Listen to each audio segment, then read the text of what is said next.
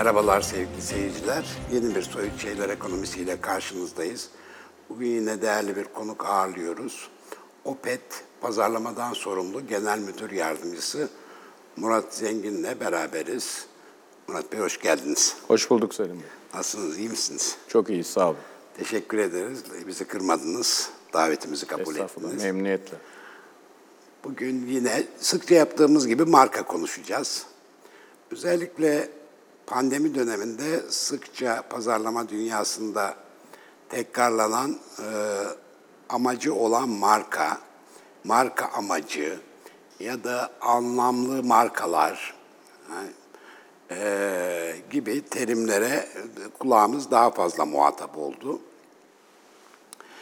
Ee, ne anlıyoruz bundan? Aslında e, sadece e, kendi bilançolarını güçlendirmek değil, sadece sosyal fayda yaratmak amacı taşıyan markalardan söz ediyoruz.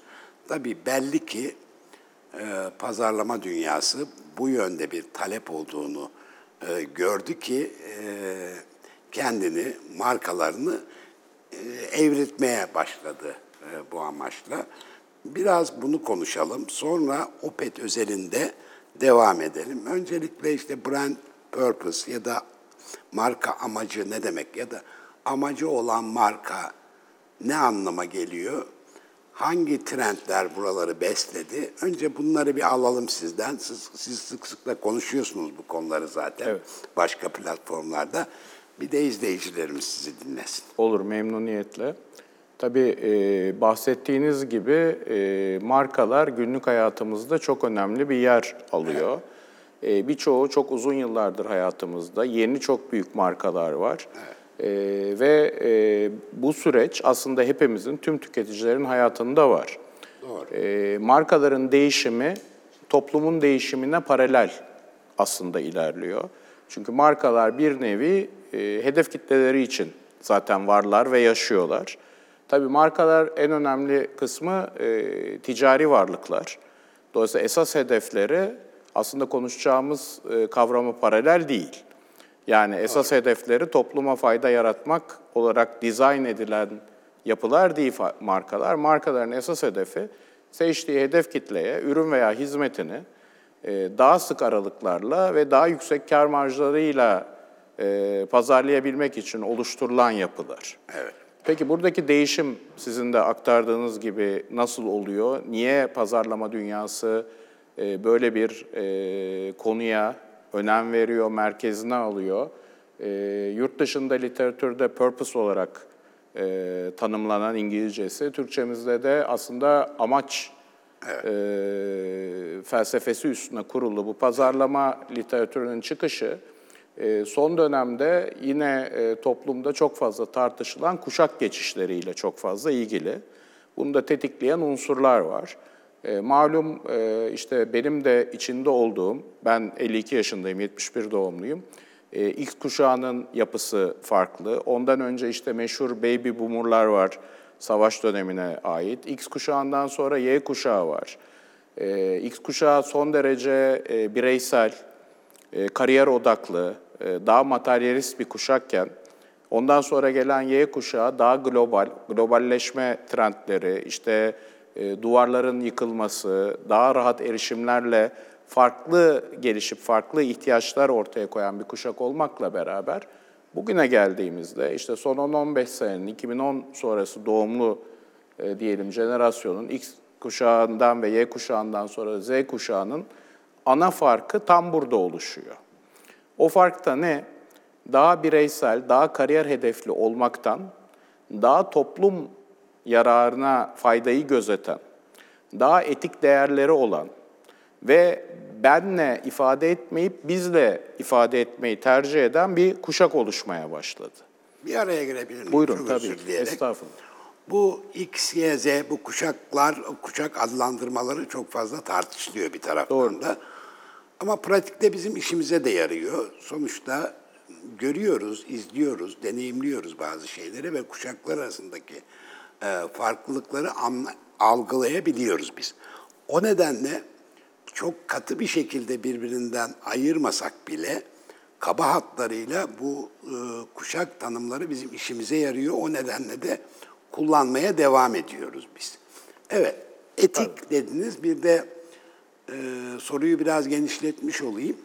Şimdi tabii etik deyince bunun geleneksel toplumlarda yani daha önceki kuşaklarda daha fazla baskın olması e, gerekirken e, siz şimdi bunu Z kuşağına yüklüyorsunuz. Evet. Daha doğrusu ben yüklemiyorum. Onlar talep ediyorlar. Evet, onlar talep ediyor. Yani bunu tes bu bir tespit yani sonuçta. Evet, evet. Bu, bu aslında e, çok güzel ifade ettiniz Selim Bey. Bu değerlerin şimdi biz kuşak diyoruz da kuşak on milyonlarca, yüz milyonlarca insandan oluşuyor. Yani aslında çok geniş bir genelleme yapıyoruz. Yani bu değerleri savunan e, farklı farklı kuşak temsilcileri var. Peki niye bugün bu kadar net olarak bu konuyu biz tartışıyoruz?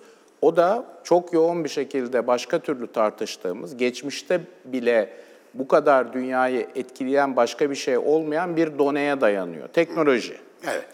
Ee, teknoloji aslında bir taraftan çok faydalı, bir taraftan da e, çok büyük çözülmesi gereken konuları oluşturuyor. Evet. En temel özelliği e, zaman. Yani zamanı etkiliyor. Çok hızlı bir şekilde ilerleyebiliyorsunuz. E, fakat insan o kadar hızlı ilerleyemiyor.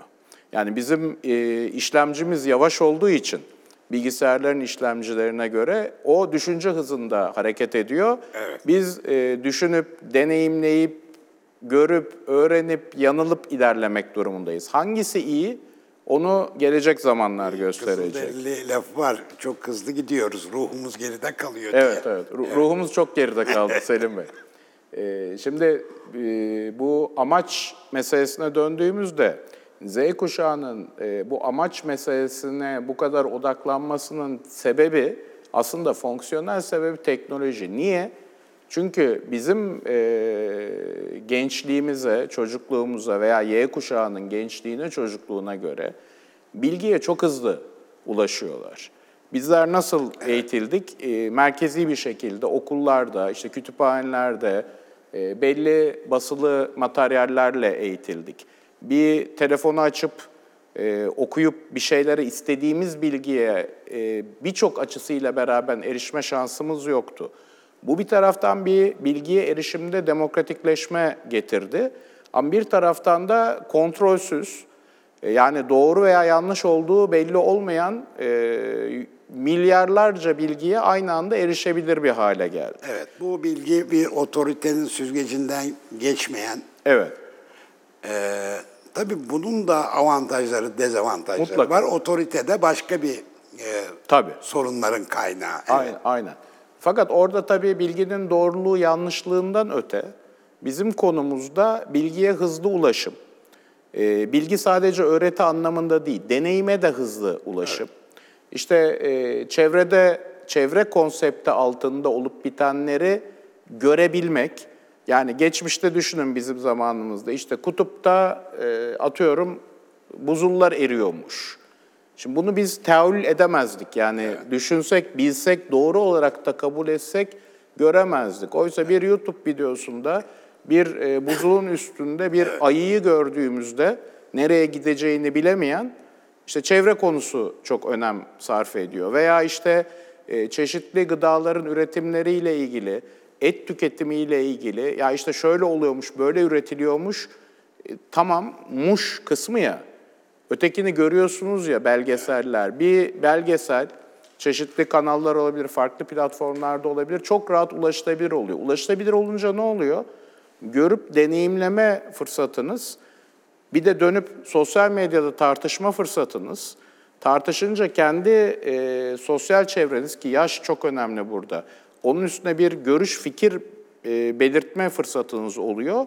Bu hayat biçimini etkiliyor. E, hayat biçimi etkilenince ne oluyor? Ticaret doğal olarak etkileniyor. Ticaret toplumla yaşayan bir e, alan. E, bunun sonucunda ne oluyor? Şunu gösteriyor bütün araştırmalar. Tabii bir aması var, onu sonunda söyleyeceğim. E, bütün araştırmalar şunu gösteriyor. Genç kuşak, tabii ki yaş alınca değişim mümkün ama genç kuşak şunu söylüyor ve uyguluyor bunu. Hatta kendilerine yakın kuşağı da ciddi şekilde etkiliyorlar. Diyor- Geriye doğru. Geriye doğru. Evet. Diyor ki ben topluma fayda sağlamayan, bir veya birçok konuda bir amacı olmayan, bu amaç için yatırım yapmayan, ne yatırım yaptığını ve ne sonuç aldığını bana göstermeyen markaların ürün ve hizmetlerini mümkün olduğunca az kullanacağım diyor. Bunları olumlu olarak yapan, dünyaya katkı sağlayan, bunun bir perspektifi yok, bir alanı yok. Evet. Ee, sağlayan, topluma değer yaratan, toplumu ileri götürmeye çalışan, sadece kendi ticari hayatıyla ilgili değil, çevresiyle de ilgili, bana da değil. Yani bu Z kuşağının en temel özelliklerinden biri bana diye bir şeyleri yok. Yani bana fayda sağlasın değil. Mesela orada hemen bir parantez. Diğer kuşaklarla en büyük ayrımı şu Z kuşağının. Şu bardağa sahip olmak istemiyor.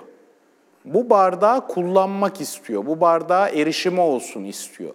Bunu paylaşabiliyor. Dolayısıyla bir paylaşım ekonomisine doğru da gidiliyor tartışmaları. e, Ya ilginç tabii yani yükseliyor. mülkiyet duygusunda bir gerileme var, Var. gibi sanki. Aynen. Ee, işte araç kullanımları yine yaygı, yaygınlaşmaya başladı kiralamalar üzerinden filan. Buna benzer şeyler. Doğrudur. Şimdi bu e, sosyal değerler topluma katkı meselesini dolayısıyla iyi uygulayan firmalardan yoğun, çok yüksek sesle bir talep oluşuyor. Peki şimdi bu talebin karşılığın olması için ne olması gerekiyor? Orası da dönüyor teknolojiye e, aslında değiyor. Şimdi geçmişte de dünyanın birçok yerinde birçok talepler oldu. Yani devletlerden oldu, şirketlerden oldu, birçok şey gördük. Fakat bugün yine bir cep telefonu sayesinde sosyal medya üstünden son derece herkes herkese ulaşabiliyor. Şirketler dinliyor. Yani orada şeyler var. E, Çeşitli farklı stratejiler var ama dinlemeyen yok. Yani çok küçük işletmeleri bir tarafa bırakırsak Kobi ve üstü istediğiniz kadar yukarıya çıkabilirsiniz. Hepsi dinliyor. Mesela şöyle bir örnek vereyim. Ee, Ben genelde 8-8.30 gibi işe başlıyorum. Ee, 45 dakika e, sosyal medya raporlarını dinliyorum. Bunlar şey değil, hani reklam, rakip ne yapmış o değil. Yani markamın sosyal medyadaki yansımalarını günlük olarak dinliyorum. Burada uyarı ışığı var mı veya iyi bir şeyler var mı? Oradan nasıl strateji geliştirilecek? Gün öyle başlıyor ve çoğu marka üstüne sorumlu olan departman bütün şirketlerde bunu dinliyor. Nasıl geçmişte nasıl dinliyordum? İşte araştırma yapıyordum. Bir ay sahası oluşuyor, iki ay sahası yapılıyor. Ondan sonra analizi yapılıyor. Ondan sonra üstüne tartışıyoruz. E benim yaptırdığım araştırmanın sonucunu ben 6 ay sonra alabiliyordum. İçgörüleri elde edebilmek için. Tabii çok çok hızlı, çok hızlı. Ve e, tabii ki etkileşimle büyüyor. Bir anda size 3 kişi, 5 kişi işte mektupla veya e-mail ile ulaşırken bir anda on binler, milyonlar yani ne kadar global olduğunuza ait e, konu olabiliyorsunuz global olarak. E şimdi e, bu tabii e, talebi de size çabuk ulaştırıyor. Sizin de çabuk ve düzgün yanıt vermenizi gerektiriyor. Bu talep edilince de sizden bir şey talep edilince ne yapıyorsunuz? Değerlendiriyorsunuz ve bugün şunu rahatlıkla söyleyebilirim ki şirketler buna iki yönlü e, tepki gösteriyorlar. Büyük çoğunluğu. Yani göstermeyen de var. Biraz şirketin gelişmişliğine, e, globalliğine, büyüklüğüne, dinamizmine. dinamizmine, ne kadar pazarlama şirketi olup olmadığına Evet. bağlı bir konu. Şimdi bir, çok materyal bir tepki. Diyor ki benden böyle bir talep var, ben buna karşılık vermezsem işim Evet. e, zarar görecek. Dolayısıyla oturuyor çalışmaya başlıyor. Yani kısa vadeli, uzun vadeli, orta vadeli ama bir yerinde çalışıyor, başlıyor. Yani ne yapayım, şöyle yapayım, böyle yapayım. Bir bu konu var. İkinci konu, e, tabii ne dedim? Ne olursa olsun e, artık şeyden sonra da kuşaklar tanımlanıyor biliyorsunuz Z'den sonra da. Çok da önemli değil. Aslında o bir kategorizasyon. Evet. Dediğiniz gibi konuşmayı kolaylaştırıyor. Pazarlama değişmeyecek. Pazarlama 1900'de de aynı pazarlamaydı. Tabii. Hatta milattan önce de aynı pazarlamaydı. 5000 yıl sonra da aynı pazarlama olacak. Yani pazarlamanın konusu değer yaratmaktır. Değer yaratıp malını, hizmetini hedef kitlesine dediğim gibi daha sık ve daha karlı iletmeyle ilgili bir disiplindir. E ne yapıyor o zaman şirketler? Diyor ki ben topluma fayda sağlayayım. Okey, bunu aldım. Bu doğru da, bunu sahipleniyorum da burada bir soru yok. Acaba diyor burada bir fırsat var mı? Hani bunu yaparsam fayda sağlayabilir miyim? Bu noktada tartışma başlıyor. Deniliyor ki senden etik toplum faydası isteniyor. Sen bununla yükümlüsün. Sen bir de bunun üstünden niye Sen bunu araçsallaştırıp tekrar kendi e, bilançolarını zenginleştirmeye zenginleştirmeyi Evet. niye yapıyorsun deniyor. İşte tam noktada bu bizim sizin çok kıymetli programımızın konusuna giriyoruz. Soyut değerlerin somuta dönmesi gerçekleşiyor. Çünkü neden? Şimdi topluma fayda sağlamak, toplumun sorunlarını çözmek, toplumu ileriye götürmek, tanım olarak baktığınızda dünyanın her yerinde devletlerin görevidir. Yani sorumlusu devletlerdir. Bunun sorumlusu şirketler değildir. Kendi iştikal alanıyla olabilir ama genel hani parça parça hedefi vardır. Şirketler ticari kurumlardır. Dolayısıyla bir gelir elde etmeden ne kadar amaçları doğru olursa olsun o yatırımı yapamazlar.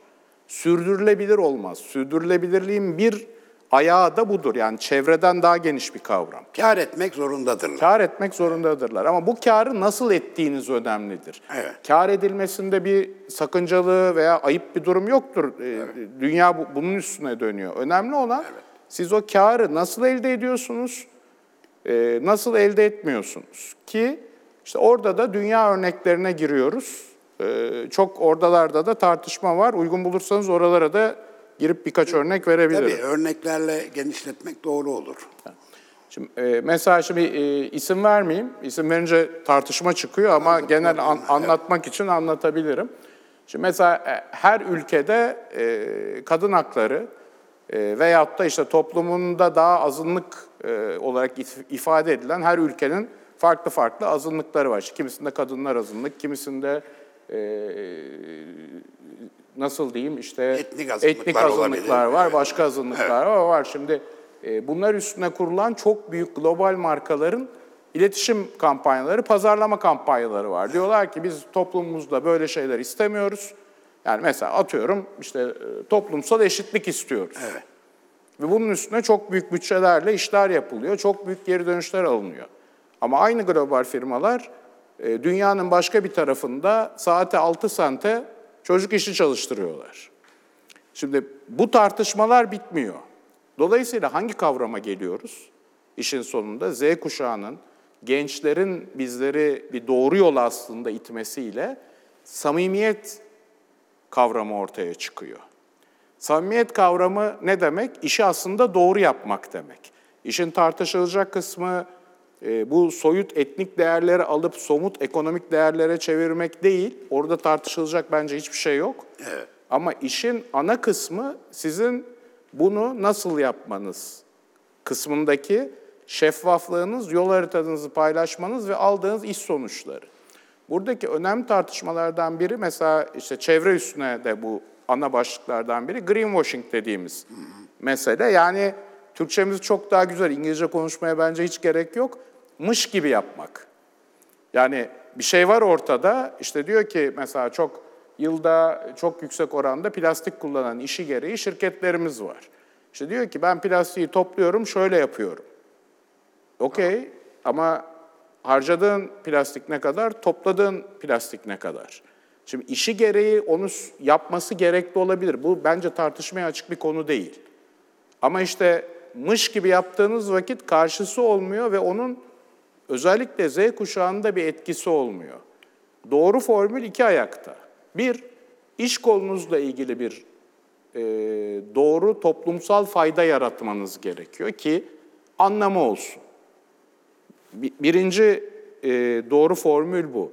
İkinci formül, elde ettiğiniz sonuçları, hani yapıyorum, yapacağım, yapacağım, işte çok uzun vadelerde o da lazım bu arada, o yanlış bir şey değil. Şöyle sonuçları olacakla beraber, bugün yaptığının sonucu ne? Yarın ne olacak? 3 yıl sonra ne olacak? 5 yıl sonra ne olacak? Veya daha uzun vadeli ne olacak? Senin burada stratejin ne? Bunu çok doğru olarak e, masaya koyup e, ilerletmekte e, fayda var. E, biz kendi şirketimizde zaten bu konular daha tartışılmadan, yani amaç konuları daha ortada yokken veya işte amaç sonucu sosyalleşen markalar, sosyal marka kavramları ortada yokken bunları yapmaya çalışıyorduk senin. Evet. Şimdi tabii bu e, mış gibi yapmak aynı zamanda rol yapmak anlamına da geliyor. Tabii e, çok uluslu şirketler diyelim ki bir ülkede bir sosyal fayda ile ilgili e, bir rol yapıyorsa ve dediğin gibi işte Vietnam'da da çocuk işçi çalıştırıyorsa aynı şirket, aynı e, global yapının bir parçası, sonuç itibariyle bir samimiyetsiz durum ortaya çıkıyor. Fakat e, bir doğal şeffaflaşma vardır kendi ismi. Bir de zorunlu şeffaflaşma var. Yani artık e, globalizasyon sizi birçok e, etkinliğinizi gizlemenizi engelleyecek kadar e, şeffaflaştırdı yani ortamı. Şimdi burada bir sosyal fayda için yaptığınız e, ve parası olarak da size milyonlarca dolara mal olan bir değer, ayağa kaldırmaya çalıştığınız bir değer, eğer çocuk işçi çalıştırdığınız için e, göçüyorsa tamamen orada da dikkatli olmaya başlarsınız. Yani bu aslında e, geçen programımızda da ben bundan söz ettim de hani Mevlana'nın ya göründüğün gibi ol ya e, olduğun gibi görün e, diye bir sözü var ya. Evet. E, bir de gerçekten veciz bir söz ama e, şöyle e, görünmek e, olmak istediğin gibi e, olmak istediği gibi bir markanın görünmesi de önüne bir hedef koyması demektir bir taraftan baktığınızda. Öyle bakınca bunların her biri bir fayda üretir diye düşünüyorum ben. Çok doğru. E, zaten işte teknolojinin bir diğer faydası da belli tabii negatif alanları da var ve hayatı etkiliyor ama bir diğer faydası da herkesi ve her şeyi şeffaf olmaya doğru itiyor. Evet. Yani bugün kuvvetli itiyor, yarın zaten e, gerçekten yüzde yüz şeffaf olmanız gerekecek. Çünkü çok rahat bilgiye e, ulaşılabiliyor, çok hızlı ulaşılabiliyor. Bu bir tek bu alanda değil, her alanda e, böyle. Sırtında yumurta küfesiyle dolaşamazsın artık. Yani. Evet. Yani o yumurtalar kırılır bir gün. Doğru. O te, bu ağ teknolojileri nedeniyle ünlü iletişimci McLuhan'ın bir sözü vardı, vardır. Biz teknolojiyi yaratırız, sonra o teknoloji bizi yaratmaya, e, inşa etmeye devam eder diye. Çok doğru. Bu teknolojiyle sosyoloji, insan e, hayatı arasındaki ilişkiyi çok güzel ifade eden e, bir söz aslında. Nitekim Z kuşağı dediğimizde aslında bu teknoloji e, sayesinde veya teknoloji nedeniyle artık sayesinde mi diyelim, nedeniyle mi diyelim, e, aslında bu dönüşümleri yaşıyor. Öyle değil mi? Aynen öyle. Teknoloji aslında bu sosyal faydaların içinde de giriyor ve o anlattığınız neden sebep ilişkisini kurguluyor. Örnek vereyim. Mesela bence çok güzel bir örnek.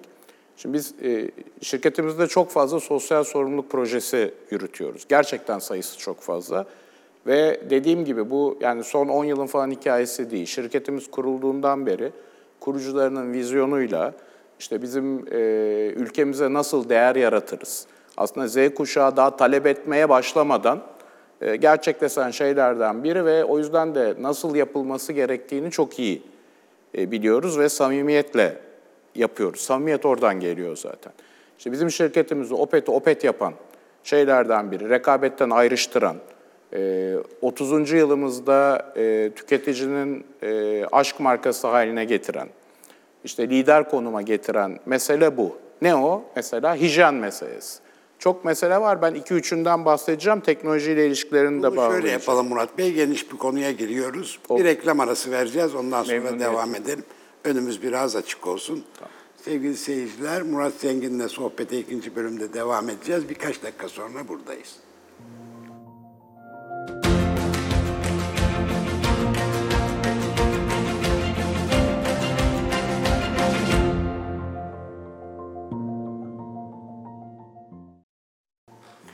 Tekrar merhabalar e, sevgili seyirciler. Opet Pazarlamadan sorumlu Genel Müdür Yardımcısı Murat Zengin'le sohbetimize devam ediyoruz. Tam Opet ve hijyen konusu demiştik ki reklam öncesi kestim. Oradan devam edebiliriz Evet. Murat Bey. Şimdi e, biz tabii akaryakıt sektöründe faaliyet gösteriyoruz. E, Z kuşağındaki arkadaşlarımız aslında daha evvelki e, dönemlerde e, akaryakıt sektörüne dair çok fazla fikirleri yok. Şimdi çünkü şu anda çok güzel, çok modern tesislerde e, kendileri ve aileleriyle beraber seyahatte, yolda bir sürü ihtiyaçlarını gideriyorlar. Ancak e, şöyle söyleyeyim, 30-35 yaşının üstündeki insanlar yani Y ve X kuşağı e, başka bir akaryakıt dünyasındaydı. Nasıl bir dünyaydı o? E, şimdi tabii dinleyen Z kuşağı şaşıracak ama tuvaletlerin akaryakıt istasyonlarının dışında olduğu, kasadan gidip anahtar aldığınız, e, işte kilitli, e, genelde e, hijyen kelimesini zaten kullanamayacağınız, temizlik kelimesini de çok şanslıysanız e, kullanabileceğiniz yapılardan bahsediyorduk. Yani çok çok çok zorunlu değilseniz kullanmıyordunuz. Bu akaryakıt sektörünün gelişiminde de önemli bir engeldi. E, kurucularımızdan bizim Opet'in kurucularından Nurten, Nurten Öztürk hanımefendinin işte tespitiyle ki çok güzel bir hikaye. E, burayı geliştirme arzusu e, ve Opet'in bunu bir misyon olarak ele alması yani bu kadar sık kullanılan temel bir ihtiyaç olan e, yolda enerji ihtiyacı karşılaşırken e, hijyen kuralları çerçevesinde bakın tekrar temizlik demiyorum. Hijyen kuralları içerisinde e, müşterilerin bu ihtiyaçlarını gidermesi üstüne Opet'in e, bundan 22 yıl önce başlattığı Temiz Tuvalet kampanyası bugünlere gelmiş durumda ve Opet'i Opet yapan temel konulardan biz, biri.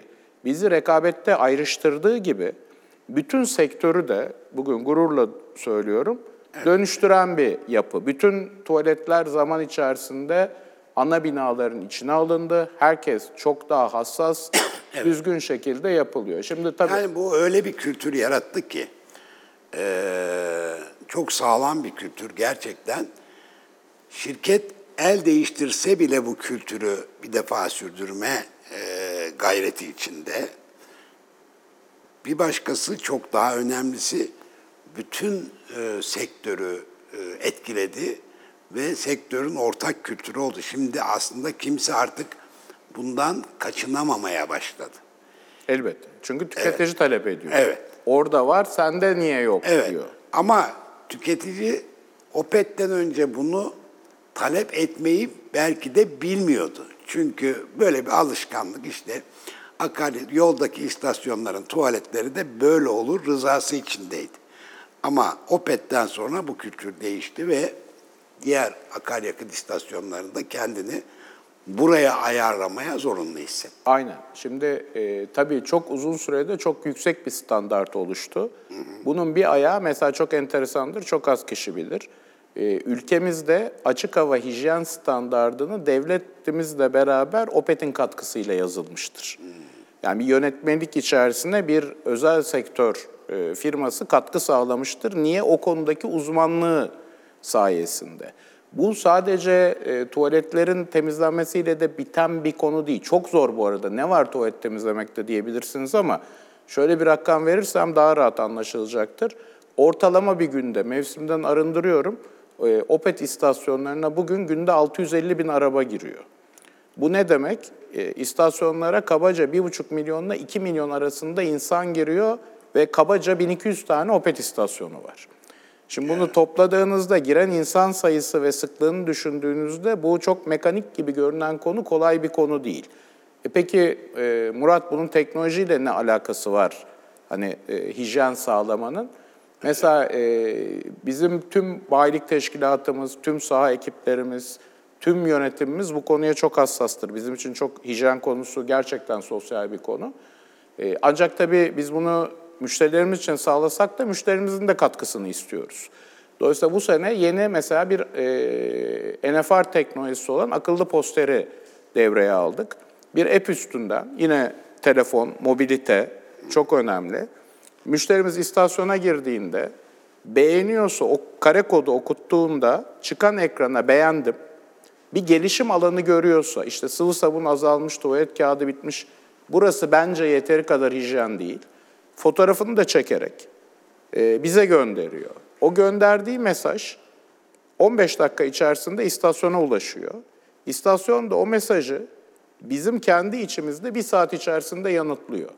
Eğer çok büyük bir şey yoksa mesela teknolojik o an yapamayacağınız bir şey, sıvı sabun koymak veya ortamı hijyenik hale getirmek gibi değil de e, bir Kırılmış, sistem bozulmuş. kırılmış O da 24 saat içerisinde çözülüyor ve müşterilerin katkısıyla o istasyonlar bu kadar yüksek kullanımda teknoloji sayesinde hijyenik olarak kalıyor. Biz dönüşüyoruz. Biz teknolojiyi konuşu, e, kullanıyoruz. Biz kullandıkça toplum dönüşüyor. Sadece opet tuvaletleri dönüşmüyor. Sadece Selim Bey rekabet de buna uymuyor. E, gidiyor restoran tuvaletleri dönüşüyor. Ne oluyor? Bütün ülke daha hijyenik hale geliyor. Mesela bir tane örnek. E, ikinci bir örnek vereyim. O da çok bizim için, yani alan çok sayıdan, yani sosyal marka olmak kolay bir şey değil. E, çok yatırım yapmanız gerekiyor, maddi manevi. En kıymetli şeyi harcamanız gerekiyor, zaman. E, bu arada tabii bunun başka ayakları da var. Mesela Türkiye Odalar ve Borsalar Birliği ile işimiz temiz kampanyası yapıyoruz. Şu anda TOB'a bağlı işletmelerde 100 binin üstünde işletmeye eğitim veriliyor o işletmelerin nasıl hijyenik koşullarda tutulması gerektiği anlatılıyor. Yani ortaya net ülke için bir sosyal fayda konuluyor. Şimdi çok basit bir soru. Bu bizlerin yaşadığı bir şey de bir yabancıya anlatsak bir akaryakıt firması akaryakıta dair her şeyi çok iyi yapıyor. Ama ayrıştığı nokta akaryakıt değil bakın. Tuvalet temizliği, hijyen. Evet. Çok net bir şekilde. Yani uluslararası bir vaka bu. Keza işte toplumsal cinsiyet eşitliği. Bizim için çok önemli bir konu. Biz toplumun yarısının ekonomik hayatın dışında olduğu müddetçe bizim toplumumuzun gelişemeyeceğine inanıyoruz. Ekonomik değer. Yani e, iş hayatında fırsat eşitliğine inanıyoruz. İşin cinsiyetinin olmayacağına inanıyoruz. E peki diyebilirsiniz ki Murat başta söyledin senin iş kolunun alakası olması lazım. Yoksa toplumsal değeri nasıl yaratacaksın? E, bunu akaryakıt firmalarından iyi yapabilecek bir yer yok. Neden? Neden? Çok basit. İki tane sebebi var. Bir, hiç kimse bu bardağı almak zorunda değil. Hiç kimse bu suyu içmek zorunda değil. Bu kravatı satın almak zorunda değiliz. Ama bir yerden bir yere gitmek istiyorsanız markanızı seçersiniz ama bir akaryakıt istasyonuna gelmek zorundasınız. İster otobüse binin, ister şahsi aracınız olsun. Yani nedir? Mecburi bir üründen bahsediyoruz. Evet. Herkes kullanıyor. Öyle olduğu için tek 7 gün 24 saat açık temas ettiğiniz yer 81 ilde var. Lokasyon olarak her yeri kapsıyor, zaman olarak her zamanı kapsıyor ve herkes kullanıyor. Dolayısıyla bir şeyi e, yayacaksanız, gösterecekseniz, duruşunuzu, konuya bakışınızı gösterecekseniz akaryakıt sektörü müthiş bir alan. Bizim kadın gücü projemiz var. 2018 yılında başladık sektörle beraber. Başladığımızda Opet'te e, hedefimiz de şuydu. Her istasyonda e, ön sahada ve markette en az birer tane kadın çalışacak. Bayilerimiz müthiş sahiplendi. Opet'te yönetim dahil olmadan belli şeyler çok zor olur. Bakın yönetim kurulu üyemiz Filiz Öztürk'ün liderliğinde genel müdür yardımcılarımız, direktörlerimiz, müdürlerimiz, saha çalışanlarımız, gönüllülerimiz, bayilerimiz, binlerce kişi eşliğinde her hafta toplantılar yapıyoruz, saha sonuçlarını elde ediyoruz. Bugün OPET'te sahada bakın, merkezi binadan bahsetmiyorum. Yani muhasebecilerimizden, atıyorum CFO'muzdan bahsetmiyorum. Onlar da kadın veya insan kaynakları direktörümüzden bahsetmiyorum. O yapılamaz denilen, fiziki koşulları zor denilen akaryakıt istasyonunda ön sahada çalışmaktan bahsediyorum. Yani yönetim kurulunda kadından bahsetmiyorum. Bakın aşağıdan bahsediyorum. Evet. Evinde sorun yaşadığında ekonomik güce sahip olması gereken kadınlarımızdan bahsediyorum. Bunların çoğu taşrada yani. E, taşrada, merkezde, artık şehirlerimizde de taşralar, taşralarımızda da evet. merkezler var biliyorsunuz. Dünya çok hızlı şehirleşiyor. Bugün OPET'te oran yüzde 20'ye geldi saha çalışanımızın, bayilerimizin müthiş sahiplenmesi, ben hepsine buradan da çok teşekkür ediyorum. Biz yüzde dörtten e, gerçekten bu iş için bize göre kısa bir sürede müthiş bir çabayla yüzde 20'ye kadar sahadaki kadın çalışan oranını arttırdık. Ve bu ne bakın şimdi o zaman bunun bize göre çok olumlu bir toplumsal fayda bu. Ama OPET'e de faydası var. İki tane temel fayda söyleyeyim size. Bizim çok takık olduğumuz bir konu çok e, şey e, yürekten anlatıyorum. Bir, e, şimdi istasyonlar zor yerlerdir, zor işletmelerdir. Çok hız gerektirir, çok insan gelir gider. İstasyonlarımız daha medeni yerler oldu. Biz hijyene çok takığız, çok üstüne düşeriz. Daha da temiz oldu. Bunun kadınların yaptığı bir şey değil bu. Varlıklarıyla oluşuyor daha medeni yerler olması. Artı pompaların ciroları yükseldi. Kadın çalışanların pompaları erkek çalışanlara göre daha fazla ciro üretiyor.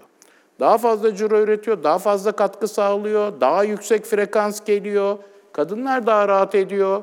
Gece belki çekindiği yere daha rahat girebiliyor. Kadınların seyahat özgürlükleri daha fazla arttı.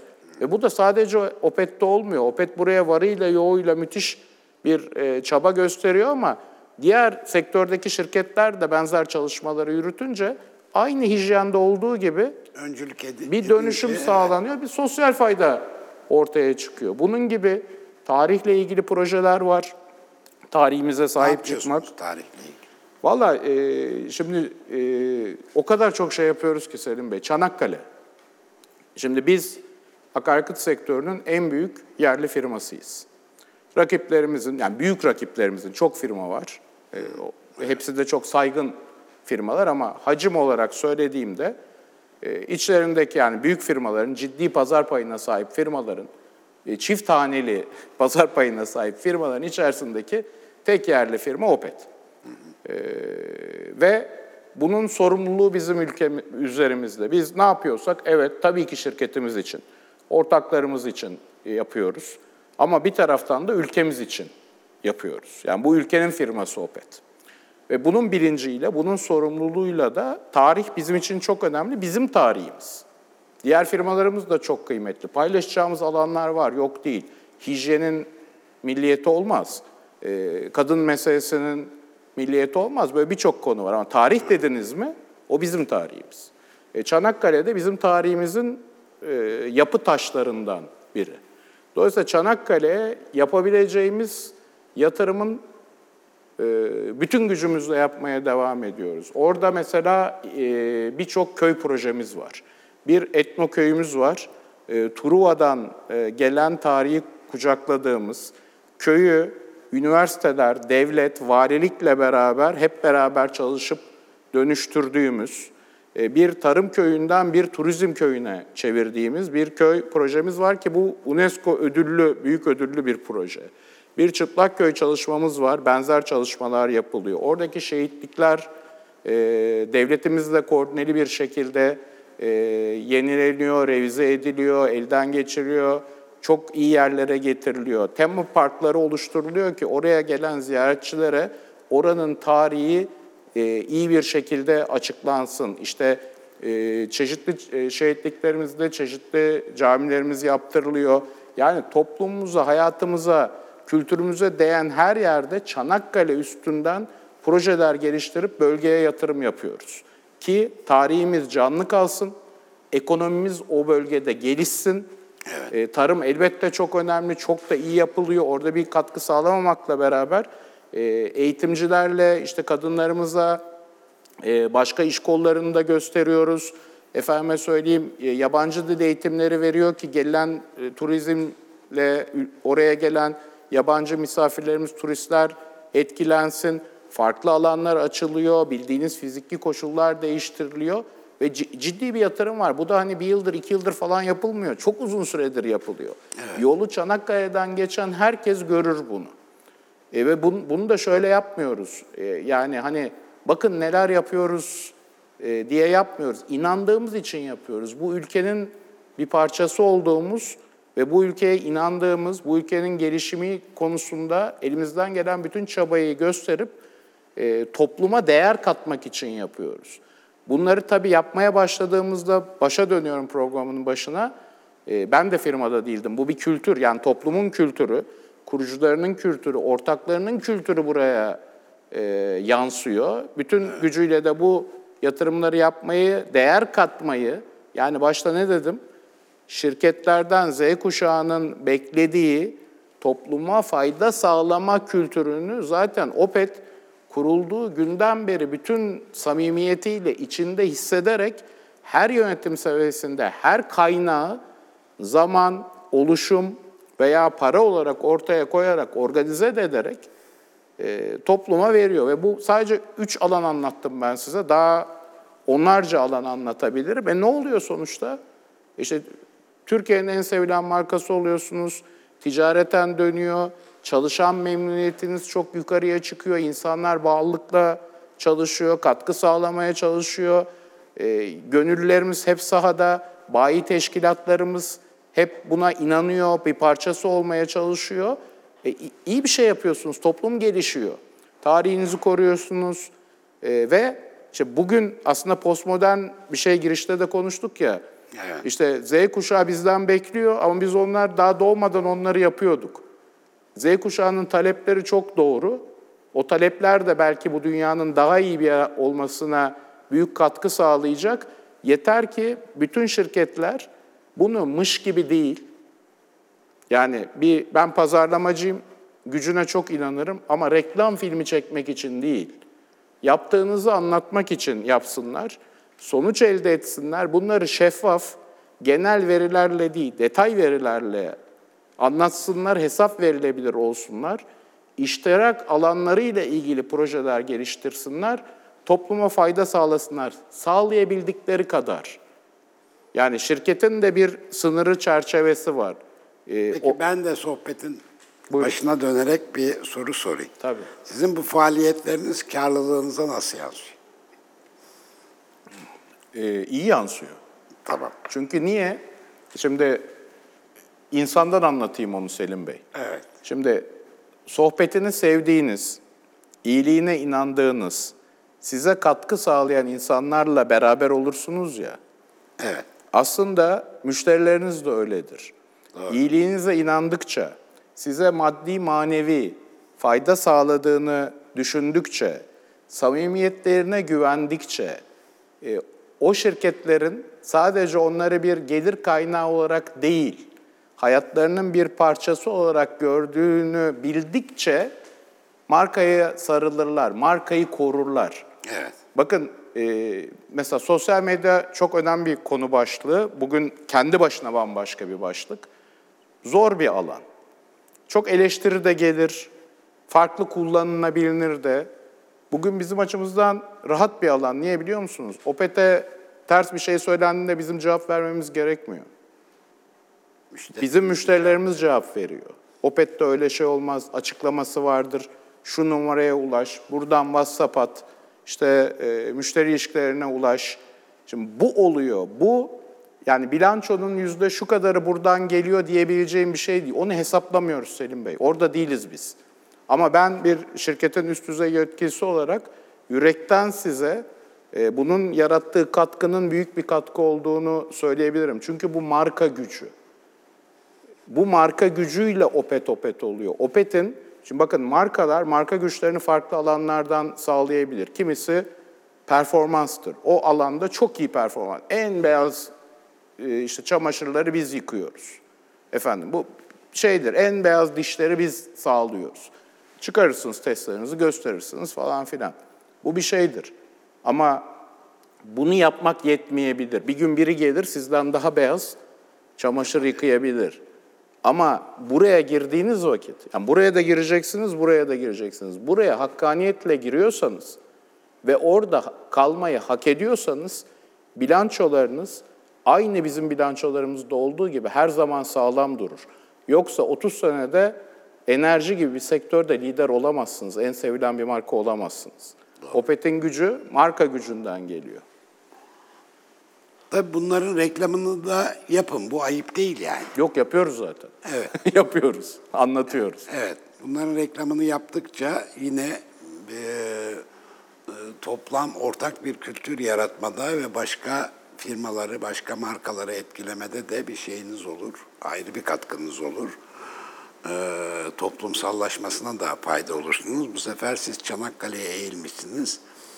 Birisi de e, Hatay'a e, eğilir. Bir başkası Türkiye'nin bir başka tarihi bölgesinde faaliyet gösterir. E, ayrıca gücünüz yetiyorsa Anadolu'daki çeşitliliği de arttırabilirsiniz. Ee, Selim Bey hepsini yapmaya çalışıyoruz. Ben altını çizmek isterim. Konumuz bu değil biliyorum. Evet. Geçen hafta da Arda da buradaydı. Biraz dokunmuştur diye düşünüyorum. Şimdi ülkemiz bu yılın başında bir felaket yaşadı. Deprem felaketi. İnanın OPET e, ve bünyesinde bulunduğu ortaklarımızdan Koç Holding deprem bölgesine e, zaten bu bakış açısıyla, varıyla, yoğuyla e, yatırım yapıyor. Yani bu bunları da işte marka gücümüz artsın, işte bizi sevsin diye yapmıyor. Bu ülkenin parçası olduğumuz, bu ülkenin e, şirketleri olmaktan gurur duyduğumuz, bu ülkenin insanlarına sahiden aşık olduğumuz için yapıyoruz. Yani bölgede yapılanlarla her OPET çalışanı, her Koç Holding çalışanı gurur duyuyor. Yani evet biz OPET olarak Çanakkale'ye odaklanıyoruz ama Arçelik'imiz, Ford'umuz, başka topluluk şirketleri, holdingimiz de her yere odaklanıyor elinden geldiğince ve yapıyor. Yani bu bir e, kültür ülkemizde de bunu yapan başka şirketler de var. O yüzden bunun karşılığı var. Bir pazarlamacı olarak şunu söylüyorum aslında. Z kuşağının hayatta talebinin karşılığı var. Onların talepleriyle başlayan bir şey değil ama onların talepleriyle çok güzel gelişecek, doğru yola sokacak bir e, konu bu ve gittikçe de önem kazanacak. Evet. Evet, çok güzel. Şimdi e, tabii Z kuşağından da önce, Z kuşağın taleplerinden de önce başladık diyorsunuz. Evet. E, demek ki Z kuşağında bir bu kültürel anlamda bir e, yoğunlaşmayla biz karşı karşıyayız. Aslında zaten bu değerler, bu talepler bu kadar yoğun olmasa bile vardı. En azından toplumsal fayda nedir biliyorduk ama bu daha çok bir e, PR faaliyetinin herhalde konusu olarak kalıyordu. Şimdi daha sahici olmaya başladı, daha samimi olmaya başladı. E, sonuç itibariyle biz sizden bu markanızla ilgili bu toplumsal fayda e, faaliyetlerinizle ilgili e, e, çalışmalarınızı dinlerken aslında başkalarına da ne gibi örnek olur, ne gibi toplumsal fayda yaratılır, böylece marka değeri nasıl daha da zenginleşebilir? Bunları da seyircilerimiz e, duysun, dinlesin, öğrensin diye yapıyoruz aslında. E, Birçok seyircimiz de zaten hangi markalar, temas ettik, ettikleri markaların bu anlamdaki faaliyetleriyle karşılaşıyorlar ve görüyorlar, deneyimliyorlar, teşhis ediyorlar ve bir not da veriyorlar büyük ihtimalle Evet. yani değil mi? Eskiden e, herkes bunu yapmazdı. Yani her müşteri acaba marka topluma ne katkı sağlıyor diye sorgulamazdı. Evet. Şimdi az çok hemen hemen herkes bunu soruyor. Bu çok iyi bir şey. Z kuşağı değil sadece. Değil, Geriye değil, doğru tabii. bütün kuşakları da yani Kapsıyor. daha geniş kuşakları ilgilendiren bir kültür aslında Aynen. yaratıyoruz Aynen. bir taraftan. Sizlerin sayesinde Aynen. diyelim. Gen- gençlerimiz bizi toplumu dönüştürüyor aslında Evet. Selim Bey. Çok teşekkür ediyorum. Ben teşekkür Ayağına ediyorum. sağlık, ağzına sağlık. Ee, güzel sohbet oldu. Ee, davetimizi de kırmadın, kabul ettin. Tekrar teşekkürler. Çok teşekkürler, sağ olun. Sevgili seyirciler, bir Soyut Şeyler Ekonomisi'nin daha sonuna geldik. Haftaya yine burada olacağız. Sizleri de bekleriz.